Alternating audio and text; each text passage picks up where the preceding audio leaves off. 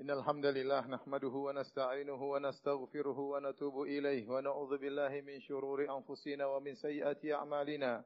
من يهده الله فلا مضل له ومن يضلل فلا هادي له. وأشهد أن لا إله إلا الله وحده لا شريك له. وأشهد أن محمدا عبده ورسوله لا نبي بعده.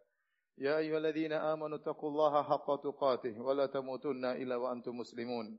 فإن أصدق الحديث كتاب الله. وخير الهدى هدى محمد صلى الله عليه وسلم وشر الأمور محدثاتها وكل محدثة بدعة وكل بدعة ضلالة وكل ضلالة في النار معاشر المسلمين أوصيكم ونفسي بتقوى الله فقد فاز المتقون Sungguhnya ada tingkatan kaum muslimin dalam agama. Tingkatan yang pertama adalah seorang muslim, tingkatan yang lebih tinggi yaitu seorang mukmin dan tingkatan yang tertinggi adalah seorang muhsin. Hal ini sebagaimana dijelaskan dalam hadis yang masyhur dengan hadis Jibril. Oleh karenanya tidak semua orang muslim mencapai derajat mukmin dan tidak semua orang mukmin mencapai derajat muhsin. Apakah itu muhsin? Muhsin adalah seorang yang melakukan al-ihsan. Tatkala malaikat Jibril bertanya kepada Nabi sallallahu alaihi wasallam, "Fa akhbirni anil ihsan." Ya Muhammad kabarkanlah kepada aku tentang ihsan. Siapa itu orang-orang yang muhsin? Maka Nabi SAW menjawab, Al-ihsan an ta'budallaha ka'annaka tarahu, fa illam takun tarahu fa innahu yarak. Al-ihsan adalah engkau beribadah kepada Allah Subhanahu wa taala seakan-akan engkau melihatnya. Dan jika engkau tidak bisa melihatnya, yakinlah bahwasanya Allah melihatmu. Ini derajat tertinggi dalam agama, yaitu derajat ihsan seorang berusaha mengamalkannya agar dia mendapat kedudukan yang tertinggi di sisi Allah Subhanahu wa taala. Yaitu yang pertama, dia beribadah kepada Allah seakan-akan dia melihat Allah. Maksudnya apa? Seakan-akan Allah hadir di hadapan dia. Seakan-akan Allah sedang berbincang dengan dia. Oleh karenanya Nabi sallallahu alaihi wasallam bersabda, "Inna ahadakum idza qama yusalli fa innahu yunaji rabbahu." Sungguhnya salah seorang dari kalian tatkala sedang salat dia sedang bermunajat dengan Allah Subhanahu wa taala. Dalam riwayat yang lain, fa innallaha qibala wajhi. Sungguhnya Allah sedang berhadapan dengan dia. Sehingga dia yakin bahwasanya Allah sedang dekat dengan dia, sedang memperhatikannya.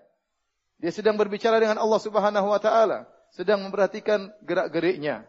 Maka ini akan beri pengaruh besar dalam kehidupannya, dalam ibadahnya, dalam sikapnya. Jika dia tidak mampu menghadirkan hal ini, maka dia menuju pada derajat yang kedua fa innahu yarak yakinlah bahwasanya Allah Maha melihat dia di manapun dia berada. Untuk menghadirkan hal ini keyakinan bahwasanya Allah benar-benar perhatian terhadap kita.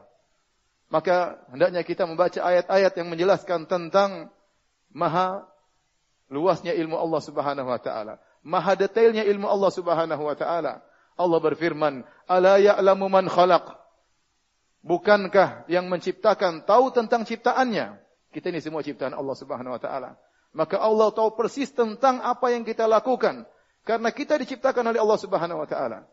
Dalam Al-Qur'an Allah berfirman, "Wa indahu mafatihul ghaibi la ya'lamuha illa wa ya'lamu ma fil barri wal bahr, wa ma tasqutu min waraqatin illa ya'lamuha." Sungguhnya di sisi Allah ada kunci-kunci ilmu ghaib dan Allah mengetahui apa yang ada di lautan dan ada di daratan. Kemudian kata Allah, "Wa ma tasqutu mi waraqatin illa ya'lamuha." Tidak ada satu daun pun yang gugur, tidak ada satu daun pun yang gugur kecuali Allah mengetahuinya. Kita bayangkan berapa jumlah daun yang ada di alam semesta ini. Setiap daun yang gugur, Allah tahu tentang ilmunya. Kalau daun yang gugur, Allah tahu tentang daun tersebut. Bagaimana lagi dengan manusia yang dibebani untuk beribadah kepada Allah Subhanahu wa taala? Allah Subhanahu wa taala berfirman, "Wa ka'ayyim min dabbatin la tahmalu la tahmilu rizqaha, Allahu yarzuquha wa iyyakum." Betapa banyak hewan melata yang tidak bisa menanggung rizkinya. Allah yang menanggung rizki binatang melata tersebut dan juga menanggung rizki kalian. Kalau hewan melata, hewan yang tidak akan dihisap oleh Allah Subhanahu wa taala, Allah perhatikan, Allah tanggung rizkinya. Bagaimana lagi dengan manusia? Oleh karenanya Allah Subhanahu wa taala berfirman, Afaman huwa qaimun ala kulli nafsin bima kasabat. Apakah Allah Subhanahu wa taala yang mengurusi setiap jiwa dengan apa yang dia lakukan? Ayat ini menjelaskan bahwasanya Allah mengurusi setiap jiwa secara detail. Tidak seperti kita lihat di manusia. Kalau di manusia ada seorang memiliki perusahaan, maka bosnya itu tidak bisa mengurusi seluruh anak buahnya, apalagi kalau anak buahnya jumlahnya ribuan, pegawai jumlahnya ribuan. Dia paling hanya bisa mengurusi manajer-manajernya, staff-staffnya. Adapun mengurusi anak buahnya yang jumlahnya mungkin seribu secara detail tidak mampu. Kalaupun dia mampu mengurusi manajernya dan staffnya, tidak selalu dia bisa mengurusinya.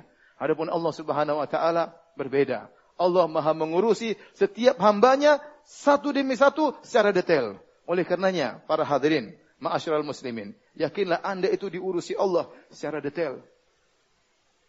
Betapa sering kita berdoa kepada Allah, Allah mengabulkan doa kita. Betapa sering terbetik dalam benak kita sesuatu, Allah hadirkan keinginan kita. Berarti Allah tahu gerak-gerik hati kita. Allah urusi kita secara satu persatu, bukan secara global, secara detail Allah urusi kita satu persatu. Tatkala kita menghadirkan perasaan seperti ini, bosnya Allah sedang mengurusi saya. Allah sedang memperhatikan saya. Maka kita yakin Allah maha dekat dengan kita. Maka tatkala itulah timbul sikap al-ihsan. Maka kita beribadah kepada Allah Subhanahu wa taala dengan yakin bahwasanya kita sedang berhadapan dengan Allah Subhanahu wa taala. Paling tidak kita yakin bahwasanya Allah Subhanahu wa taala Maha mengetahui apa yang kita lakukan. Aku lu qauli hadza wa astaghfirullah li wa lakum wa li sa'iril muslimin min kulli dhanbin wa khati'ah fastaghfiruhu innahu huwal ghafurur rahim.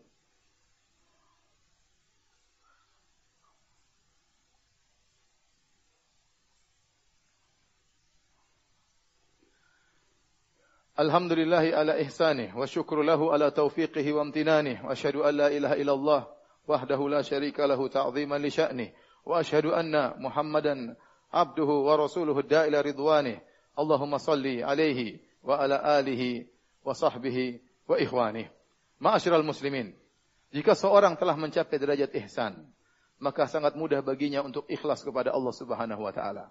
Kenapa setiap dia bersikap, setiap dia beribadah, ya setiap dia bermuamalah dia yakin Allah sedang memperhatikan dia secara detail. Bagaimana tidak Allah mengatakan ya'lamu kha'inatal a'yun wa ma tukhfi sudur. Allah mengetahui pengkhianatan lirikan mata dan Allah mengetahui apa yang disembunyikan oleh dada-dada. Wa huwa alimun bidzati sudur. Allah mengetahui isi dada-dada manusia. Tatkala dia yakin Allah sedang memperhatikan dia maka dia pun akan mudah untuk ikhlas. Kenapa? Dia fokus kepada Allah Subhanahu wa taala dia tidak peduli dengan penilaian orang lain, dengan penilaian manusia. Dia tidak peduli dengan penilaian makhluk. Yang dia pedulikan adalah bagaimana Allah menilainya. Kenapa? Allah sedang memperhatikan dia secara detail. Maka orang yang mencapai derajat ihsan, mudah bagi dia untuk ikhlas kepada Allah subhanahu wa ta'ala. Kemudian orang yang mencapai derajat ihsan, mudah bagi dia untuk meninggalkan maksiat. Kenapa? Tatkala dia hendak bermaksiat, dia tahu Allah sedang berhadapan dengan dia. Allah sedang mengecek dia, Allah sedang melihat dia sehingga dia pun malu kepada Allah Subhanahu wa taala. Oleh karenanya, banyak kemaksiatan yang terjadi tatkala perasaan ini hilang dari diri seseorang. Dia tidak merasa bahwasanya Allah sedang memperhatikan dia secara khusus. Bahwasanya Allah perhatian Allah terhadap hamba-hambanya secara detail tatkala perasaan ini hilang, maka mudah bagi seorang untuk melakukan kemaksiatan. Oleh karenanya, Allah pernah menceritakan bagaimana orang-orang musyrikin mereka mudah melakukan kemaksiatan karena hilang dari mereka perasaan ini. Apa kata Allah Subhanahu wa taala? "Wa ma kuntum tastatiruna an yashhada 'alaykum sam'ukum wala absarukum wala juludukum, walakin dhanantum anna Allah ya'lamu la ya'lamu katsiran mimma ta'malun. Wa dhalikum dhannukum alladhi bi rabbikum, wa dhalikum dhannukum bi rabbikum alladhi ardakum fa asbahtum minal khasirin." Kata Allah Subhanahu wa taala, kalian tidak bisa bersembunyi dari persaksian ya pendengaran kalian dari persaksian penglihatan kalian dari persaksian kulit-kulit kalian yang menyerang kalian pada hari kiamat kelak. Tapi kenapa kalian melakukan kemaksiatan? Walakin dhanantum anna Allah la ya'lamu katsiran mimma ta'malun. Wa dzalikum dhannukum alladhi bi rabbikum ardakum. Akan tapi dahulu kalian bermaksiat karena kalian menyangka Allah tidak tahu kebanyakan yang apa yang kalian lakukan. Artinya ada hal-hal yang mereka lakukan mereka menyangka Allah tidak lihat. Mereka menyangka Allah lalai. Ini yang buat mereka berani untuk melakukan kemaksiatan. Nah, tatkala seorang mukmin telah mencapai derajat ihsan dan yakin bahwasanya apa yang dia kerjakan, apa yang dia lihat, apa yang dia dengar, apa yang dia tulis, apa yang dia bicara, apa yang dia torehkan dalam tulisan, apa yang dia komentarkan semuanya dilihat oleh Allah, diperhatikan oleh Allah, maka dia akan berhati-hati. Dan yang terakhir jika seorang telah mencapai derajat ihsan, maka dia akan mendapatkan nikmat yang luar biasa, yaitu memandang wajah Allah pada hari kiamat kelak. Dan itu merupakan puncak kelezatan di surga.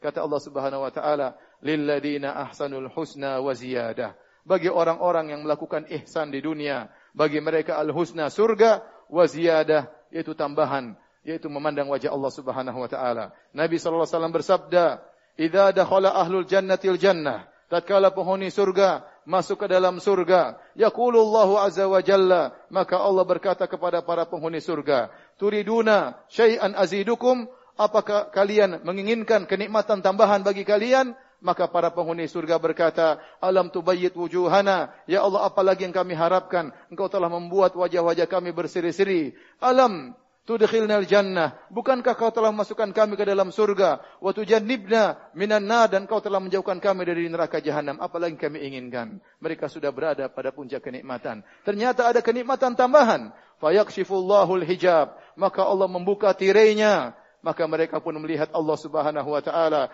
fama u'tu syai'an ahabba ilaihim minan nadhari ila rabbihim maka mereka tidak ada sesuatu yang lebih mereka cintai di surga seperti melihat wajah Tuhan mereka Allah Subhanahu wa taala oleh karenanya Nabi wasallam pernah berdoa Allahumma inni as'aluka ladzatan nadhari ila wajhikal karim ya Allah aku mohon kepada engkau untuk bisa merasakan kelezatan memandang wajahmu yaitu di surga kelak Inna Allah malaikatahu yusalluna ala nabi.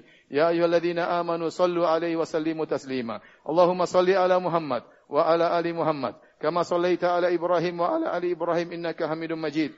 Wa barik ala Muhammad وعلى آل محمد كما باركت على إبراهيم وعلى آل إبراهيم إنك حميد مجيد. اللهم اغفر المسلمين والمسلمات والمؤمنين والمؤمنات الأحياء منهم والأموات إنك سميع قريب مجيب دعوات ويا قاضي الحاجات.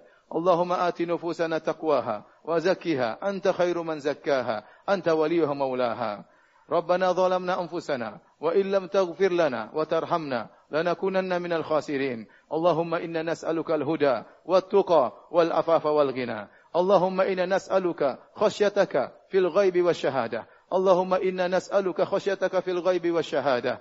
ربنا آتنا في الدنيا حسنة وفي الآخرة حسنة. وقنا عذاب النار وقنا عذاب النار وقنا عذاب النار وأقيموا الصلاة.